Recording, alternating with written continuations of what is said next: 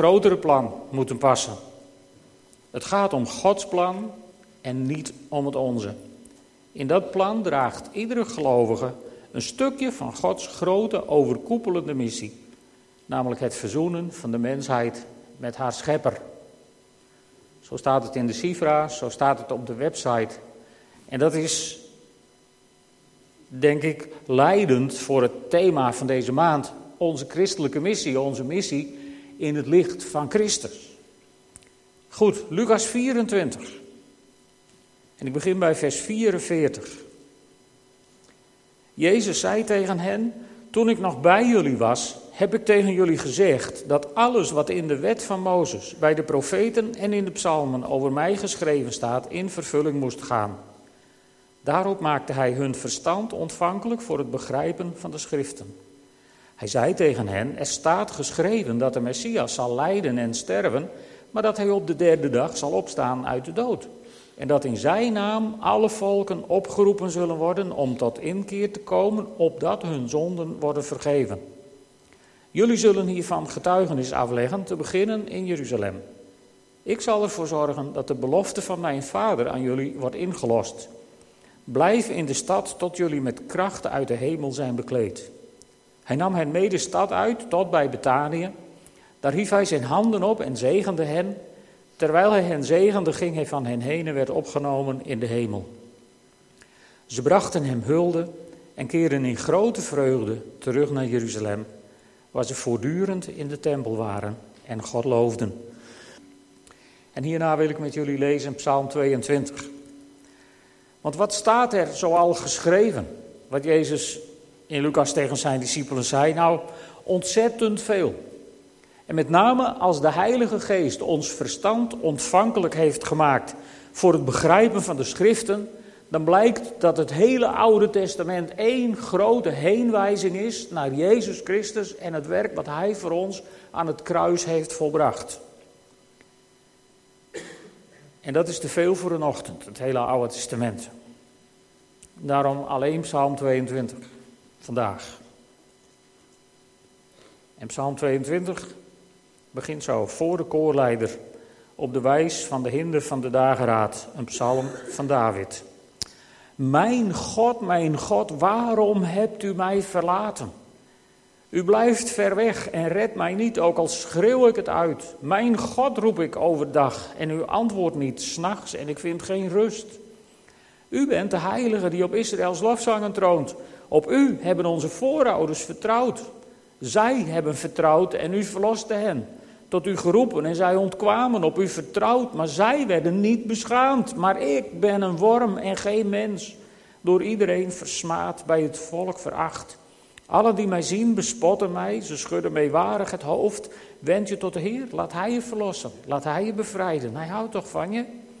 U hebt mij uit de buik van mijn moeder gehaald, mij aan haar borsten toevertrouwd. Bij mijn geboorte vingen uw handen mij op, van de moederschoot af bent u mijn God. Blijf dan niet ver van mij, want het nood is nabij en er is niemand die helpt. Een troep stieren staat om me heen, buffels van Bazan omringen mij. Roofzuchtige, brullende leeuwen sperren hun muil naar mij open. Als water ben ik uitgegoten, mijn gebeente valt uiteen, mijn hart is als was, het smelt in mijn lijf. Mijn kracht is droog als een potscherf, mijn tong kleeft aan mijn gehemelte. U legt mij neer in het stof van de dood. Honden staan om me heen, een woeste bende sluit mij in. Ze hebben hun hand, mijn handen en voeten doorboord. Ik kan al mijn beenderen tellen, ze kijken vol leedvermaak toe. Verdelen mijn kleren onder elkaar en werpen het lot om mijn mantel. Heer, houd u niet ver van mij, mijn sterkte, snel mij te hulp. Bevrijd mijn ziel van het zwaard, mijn leven uit de greep van die honden. Red mij uit de muil van de leeuw, bescherm mij tegen de horens van de wilde stier. U geeft mij antwoord. Ik zal uw naam bekendmaken, u loven in de kring van mijn volk. Looft hem, allen die de Heer vrezen. Breng hem eer, kinderen van Jacob. Wees beducht voor hem, volk van Israël. Hij veracht de zwakken niet, verafschuwt niet wie wordt vernederd. Hij wendt zijn blik niet van hem af, maar hij hoort zijn hulpgeroep. Van u komt mijn lofzang in de kring van het volk. Mijn geloften los ik in bij wie u vrezen. De vernederden zullen eten en worden verzadigd. Zij die hem zoeken, brengen lof aan de Heer. Voor altijd mogen jullie leven.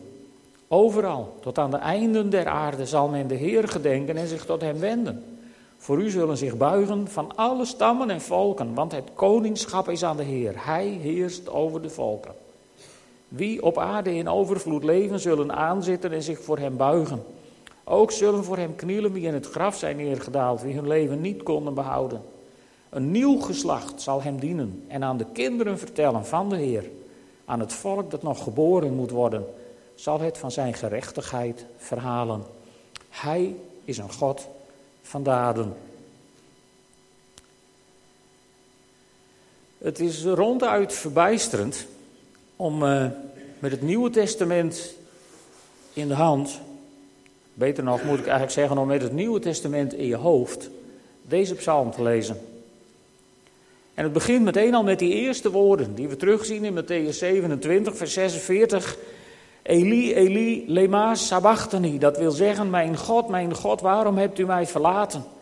En dan staat er in Lucas, toen de omstanders dat horen, zeiden enkele van hen, hij roept om Elia.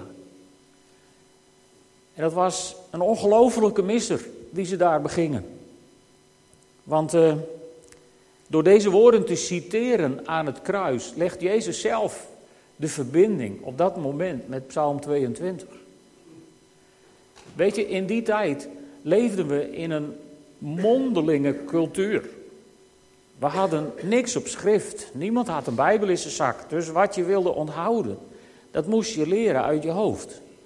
En wat hielp daarbij? Dingen in een lied samenvatten. Want een lied, ik weet niet hoe het jullie gaat, maar een lied onthoud je makkelijker dan een stukje proza. Of je maakte een stukje waarbij elk, elk, uh, themaatje, zeg maar, elke alinea met de volgende letter van het alfabet begon. Dit soort dingen had ik vroeger in mijn kindertijd, had je die dingen ook wel. Zo leerden wij vroeger zelfs het alfabet. Weten jullie nog? A is een aapje enzovoort. Meer heb ik er niet meer van onthouden. Maar op die manier ging je het alfabet leren. Want je onthoudt het makkelijker. En het is vandaag de dag volgens mij nog zo. Als hier op het podium de band inzingt en die zingt inzet en die zingt de eerste regel van een lied, dan weten de meesten van u welk lied het is. Want een lied herkennen wij aan de eerste regel. En ik denk dat dat is wat Jezus verwachtte toen hij aan het kruis deze zin citeerde uit Psalm 22. Hij schreeuwde in zijn wanhoop: Mijn God, mijn God, waarom hebt u mij verlaten? Maar hij gebruikte volgens mij met opzet deze woorden om zijn discipelen een boodschap te geven van kijk nou eens, herinner je je wat er geschreven staat. En ze hadden aan de eerste zin van het lied moeten begrijpen waar het over ging. Dus toen ze hem hoorden en zeiden hij roept om Elia, zei dat iets over hun geestelijke toestand van de mensen die daaromheen stonden. Ze kenden kennelijk de psalm niet eens. Of ze waren zo verblind dat ze het niet begrepen. Maar Jezus geeft ze die boodschap en, en terecht verwijt hij hen later dan ook dat het kwartje niet is gevallen. Soms had ik bij het lezen van het verhaal bijvoorbeeld van de Emmausgangers het gevoel van nou Jezus is wat hard tegen deze mensen.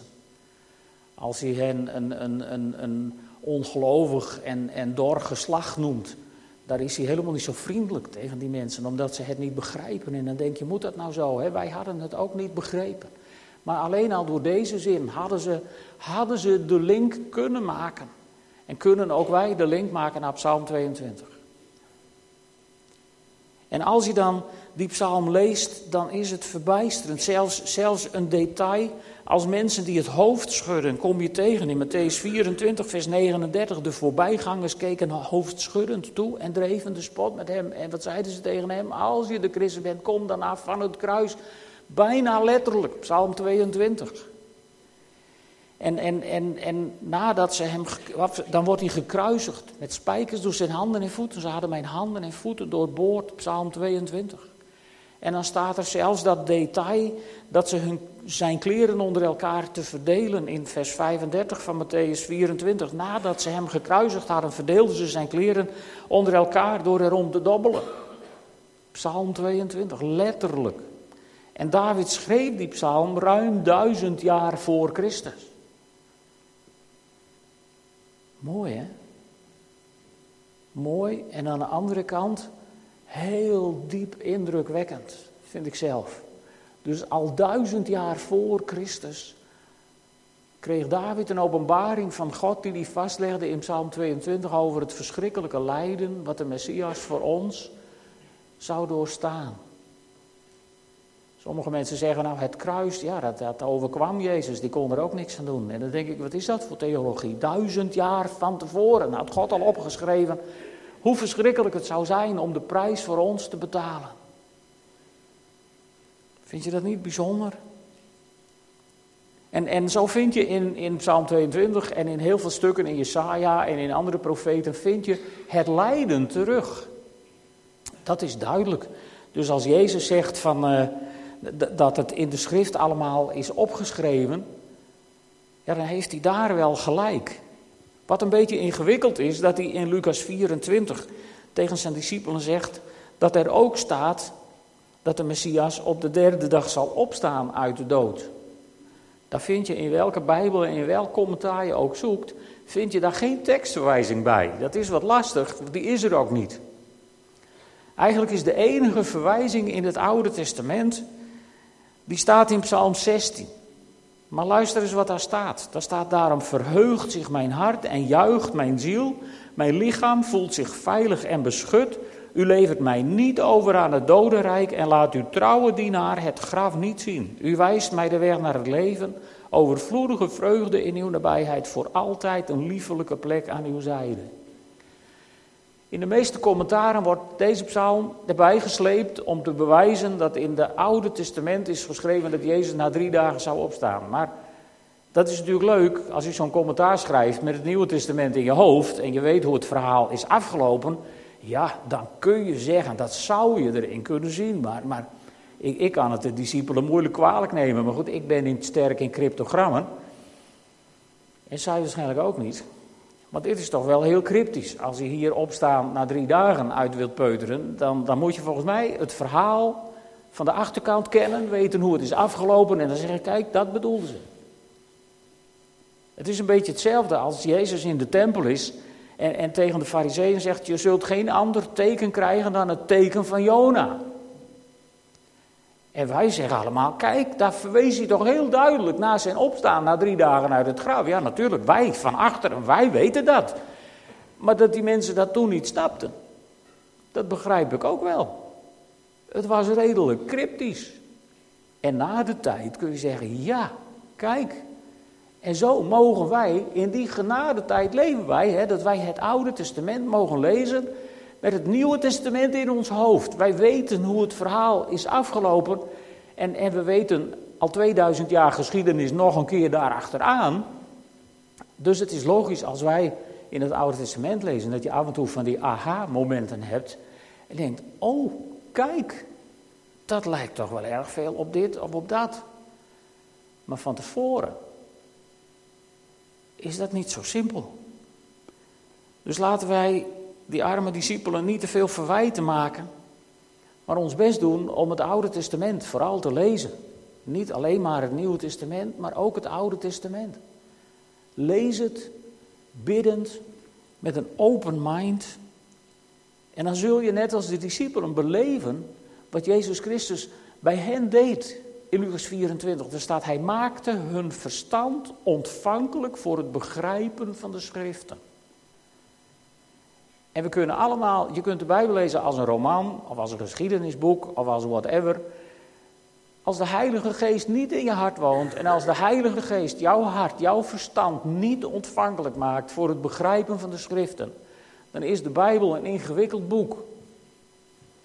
En als ik het even om mag draaien, als ik zo vrij even mag zijn, als u vindt dat de Bijbel een ingewikkeld boek is, dan daag ik je uit om de komende weken eens te bidden, Heere God, Laat uw geest mijn verstand ontvankelijk maken voor het begrijpen van de schriften. En dan moet je een keer gewoon opnieuw beginnen bij Genesis 1, vers 1. En dan beloof ik je met de hand op mijn hart dat je van de ene verbazing in de andere verbazing gaat rollen als je het Oude Testament leest. Want het is het verhaal van een vader die deze aarde schiep en die deze aarde niet aan zijn lot overliet, wat sommige mensen beweren. Die deze aarde niet is vergeten en die ons niet aan het lot of aan de willekeur heeft overgeleverd, maar die de hele geschiedenis van deze wereld van seconde tot seconde onder controle heeft en in zijn hand houdt. En misschien zijn er in jouw leven situaties dat je denkt, nou daar merk ik dan bedroefd weinig van. Nou, dan kunnen wij elkaar een hand geven. Soms heb je van die tijden. Maar dat wil niet zeggen dat God er niet is. Hoe vaak herkennen we ons niet in Psalm 22 in die versen, vers, vanaf vers 2 bijvoorbeeld. waarom hebt u mij verlaten? Dat durven we dan amper, want dat zijn de woorden van Jezus geworden. Maar wat daarna komt. Wie van ons heeft dat nou nooit? Ik, ik vraag niet om je vinger op te steken, maar je mag best eerlijk zijn, even tegen jezelf. Wie heeft nou nooit het gevoel dat God ver weg is en mij niet redt, ook al schreeuw ik het uit? Mijn God roep ik overdag en u antwoordt niet s'nachts en ik vind geen rust. Soms is de hemel van koper. Of zoals Peter Bonhoff in het laatste van zijn leven zei, ik bid me suf. Soms heb je van die situaties in je leven. En we hebben net dat lied gezongen van laat ons weer zien wat u deed eeuwen her. Dat kun je zingen met zo'n gevoel van ja waarom toen wel en nu niet. Dat had David ook toen hij dit schreef. Moet je eens kijken, vers 4. U bent de heilige die op Israëls lofzangen troont. Op u hebben onze voorouders vertrouwd. En zij hebben vertrouwd en u verloste hen. Tot u geroepen en zij ontkwamen. Ze hebben op u vertrouwd en zij werden niet beschaamd. Maar ik. Heb je dat ook wel eens? Dat je denkt, goh ja, toen was God er. En toen was God er. En toen was God er. En nu zit ik hier in, in, in, in de put. En Heer, waar bent u nu? Als je dat nooit hebt, dan moet je misschien eens voor de spiegel gaan staan en jezelf afvragen of je wel eerlijk bent. Want volgens mij hebben we allemaal wel eens van die situaties dat we denken, Heer, waar bent u nou? Waarom doet u er nou niks aan? Waarom grijpt u niet in? Of zoals het in vers 12 staat, Heer, blijf niet ver van mij, want de dood is nabij en er is niemand die me helpt. Bijna paniek van David hier. Of in vers 20, waar, waar staat, Heer, houd u niet ver van mij, mijn sterkte, snel mij te hulp. Bevrijd mijn ziel van het zwaard, mijn leven uit de greep van die honden. Red mij uit de muil van de leeuw. Bescherm mij tegen de horens van de wilde stier. En dan staat daar dat merkwaardige zinnetje daarachter. U geeft mij antwoord. Wauw, u geeft mij antwoord. Maar weet je wat, tenminste in mijn leven het probleem met God is? God geeft niet altijd het gewenste antwoord. Daar zijn wij natuurlijk op getraind, om het gewenste antwoord te geven. Want ja, dan ben je braaf, hè? Dan ben je lief en dan ben je aardig als je het gewenste antwoord geeft. Maar God geeft niet altijd het gewenste antwoord. Er staat ook niet in deze psalm wat voor antwoord God überhaupt geeft. Er staat ook niet dat God het probleem oploste. En we kennen uit het verhaal van het kruis, van Jezus lijden en sterven, dat God op dat moment Jezus niet van het kruis haalde. Hij maakte geen einde aan het lijden. Hij bespaarde hem niet voor het sterven aan het kruis en voor het gelegd worden in een graf. Maar je haalde hem er na drie dagen wel uit. En soms kun je dat gevoel hebben dat je, dat je in zo'n soort situatie zit. En dan denk je, Heere, help me toch. Heere, doe wat. En God doet wat. Want die psalm eindigt zo mooi. Hij is een God van daden. Ik denk, wat moet Feyenoord dit een prachtige psalm vinden. Hij is een God van daden. Geen woorden, maar daden. Hij is een God van daden. Hé, mag ik je dat vanmorgen meegeven? Ik weet niet in welke situatie iedereen van jullie is. Maar mijn God is een God van daden.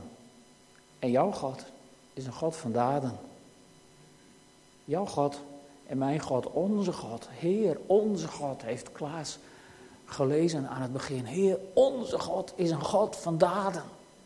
Hij staat niet met lege handen. Hij staat er niet werkeloos bij.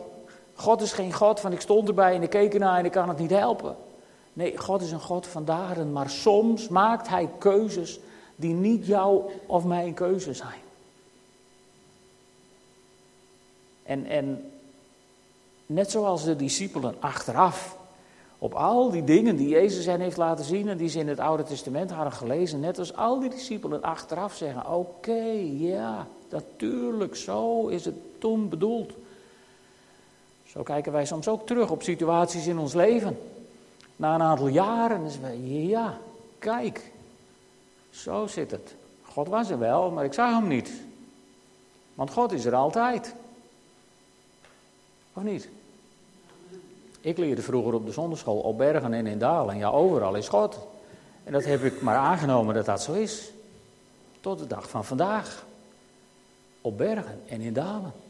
En op de bergen in mijn leven, op de toppunten, ach, daar red ik het over het algemeen ook redelijk zonder. En in de dalen, daar kom ik om zonder Hem. En God is er altijd. Of je nou op een hoogtepunt in je leven bent.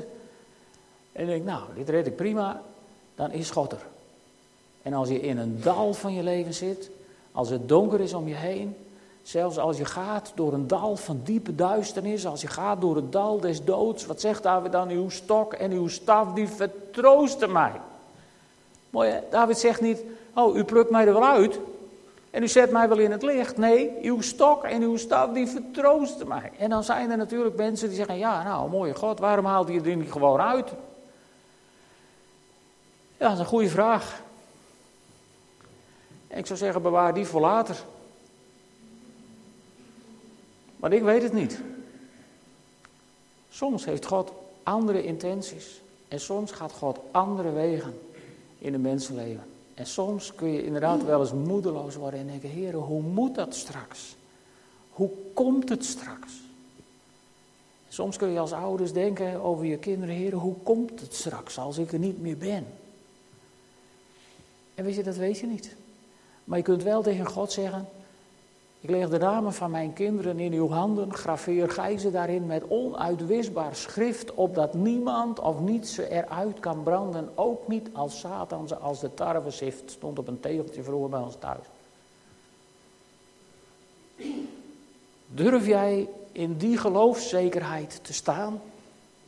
Van wat er ook gebeurt, als ik mijn kinderen in Gods handen leg, dan is er niets wat ze daar meer uitkrijgt want mijn God laat nooit varen het werk van zijn handen wat hij eens is begonnen. Ken je die nog van vroeger? In de kerk? Of is dat alleen een leeg zinnetje wat ze toen ritueel voorlazen? Of is dat de werkelijkheid in jouw leven? Ken je die God die nooit loslaat wat zijn hand begon? Ken je die God die er op de meest donkere momenten in jouw leven, toen je dacht dat alles in elkaar zou storten, Ken je die God die er toen was? En die toen naast je opliep door de prut. En die een arm om je heen sloeg en je overeind hield. En je leidde zodat je de storm te boven kwam. Ken je die God? Herinner je je nog zulke situaties? Weet je, God is een God van verhalen. Het Oude Testament is een boek van verhalen. Van mensen die in, in de diepste nood door God erdoor werden gehaald. Zelfs toen het volk Israël voor de Rode Zee stond, geen kant meer op kon. Ze konden niet vooruit, want dan verdronken ze in de zee. Ze konden niet achteruit, want dan werden ze vermoord door de Egyptenaren. En God baande een weg door de zee. En daarna verdronken de Egyptenaren. Dan denk je nou, wat een gedoe. Had gelijk afgerekend met die Egyptenaren. Dan had, dat andere niet gehoeven. Maar soms gaat God wegen met je. Soms gaat God met een mens een weg door de zee in plaats van eromheen. En daarna redt hij wel met jouw vijanden. Alleen verheug je daar niet over. Ik had vroeger een tante in een tijd dat, eh, dat ons behoorlijk onrecht werd aangedaan. En toen zei ze altijd, joh, de Heer neemt later wel wraak. Weet je, en zulke christenen zijn er ook, die dan met zo'n lekker purgevoel denken, nou maar de Heer die rekent later wel met ze af. Dat is een verkeerd gevoel, lieve broeders en zusters. Dan heb je niet vergeven. Dan heb je niet losgelaten. Dan zit je nog vast aan iets wat je is aangedaan. En dat is niet gezond. Laat het los. Laat God er maar mee redden. En bid God dat hij dat zo doet als, als in, in, in, in Lucas 24, vers 47. Laat het zo zijn dat ook die mensen zullen worden opgeroepen om tot inkeer te komen, opdat hun zonden worden vergeven. Maar dat is het uiteindelijke doel. Hè? God lost alles voor ons wel op, maar soms anders dan wij denken. Want zijn missie is het behoud van alle mensen. En nergens om. Maar soms zijn er mensen in je omgeving. En die zien je door een situatie gaan. En die zien je daar zegevierend doorheen komen. En dat is een groter getuigenis dan dat je met alle zegen van de wereld op de toppen van de bergen verblijft.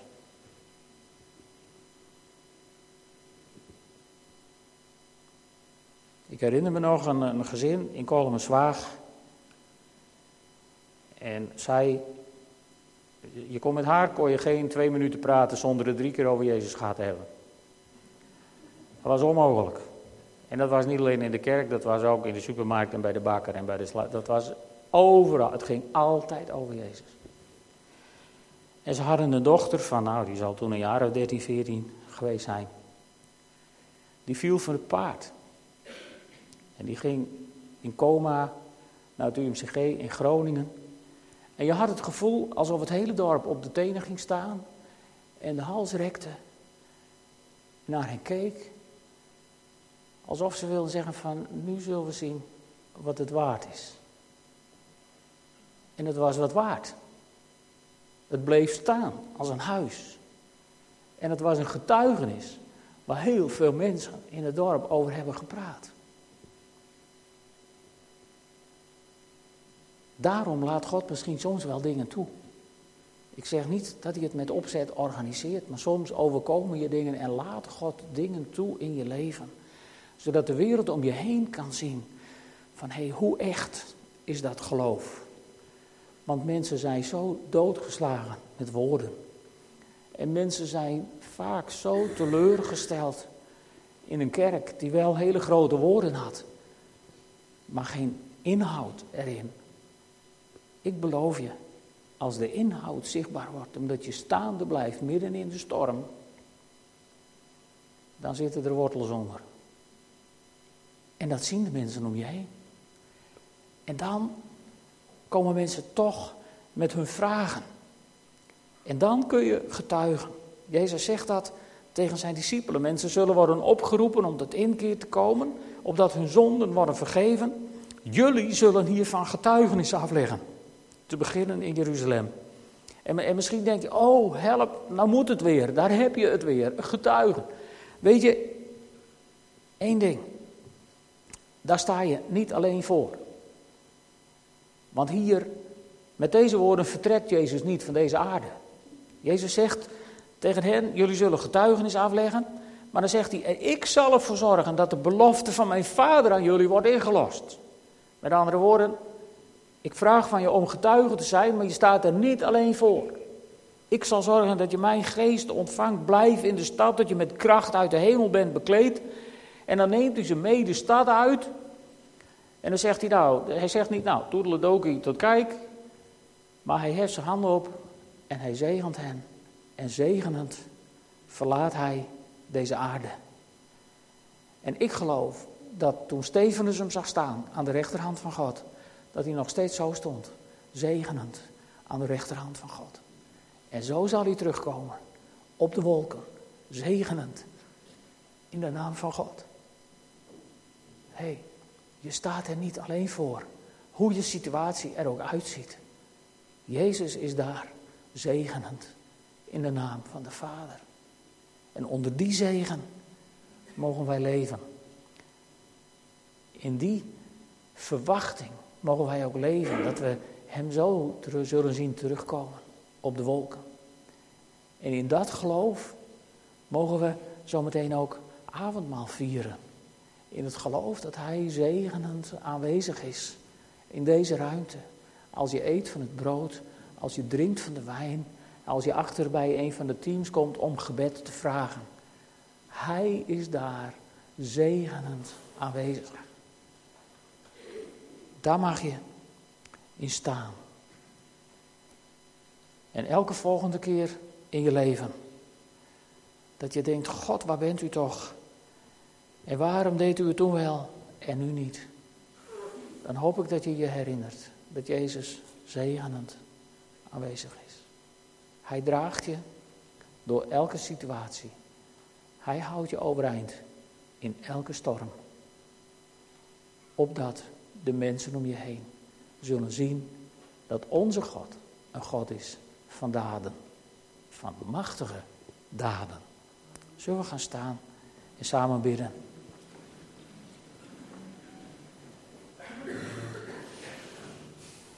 Vader God, onze God en onze Vader, u bent geweldig. Heer, u bent groot, u bent machtig in daden. En u bent zo zegenend aanwezig. Hoe onze omstandigheden ook zijn. Heer, ik dank u wel dat we zo in die psalm mogen lezen dat u ons antwoord geeft, dat u ons hulpgeroep hoort, dat we voor altijd mogen leven en dat u een God bent van daden. Heren, wat is het goed om ons aan u vast te mogen houden. Om te mogen weten dat u de vaste rots van mijn behoud bent. Heren, en dat we mogen weten dat als ruwe stormen mogen woeden en alles om mij heen nacht is, dat God mijn God mij zal behoeden. En dat God mijn God de wacht houdt over mij. Heren, wat is het fijn dat we van u zulke liederen hebben gekregen die in ons, ons geheugen zijn geprent. Zodat we midden in de nood en midden in de storm niet moeilijk hoeven te doen, maar gewoon kunnen putten op, op dat wat u ons hebt geleerd, wat u ons door onze vaders en moeders en, en, en kinderwerkers en jeugdwerkers hebt bijgebracht. Heren, dank u wel dat u ons hebt voorbereid, ook op slechtere dagen. En dat we zo mogen weten dat hoe het er ook uitziet, zelfs als we door een dal van diepe duisternis trekken, dat uw stok en uw staf ons vertroosten. Heren, u bent erbij. U bent er altijd, op bergen en in dalen. Heren, daar prijs ik u voor in de naam van Jezus. Amen. U mag gaan zitten. We gaan avondmaal vieren vandaag. En in het avondmaal staan we ook stil bij het lijden en het sterven van de Heer Jezus, zoals we hebben gelezen in Psalm 22.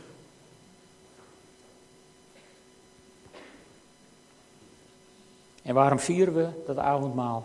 Omdat de Heer Jezus het ons heeft opgedragen. Want Paulus die schrijft daarover in 1 Korinthe 11. In de nacht waarin de Heer Jezus werd uitgeleverd, nam hij een brood hij sprak het dankgebed uit, zoals wij net ook hebben gedankt. Hij brak het brood.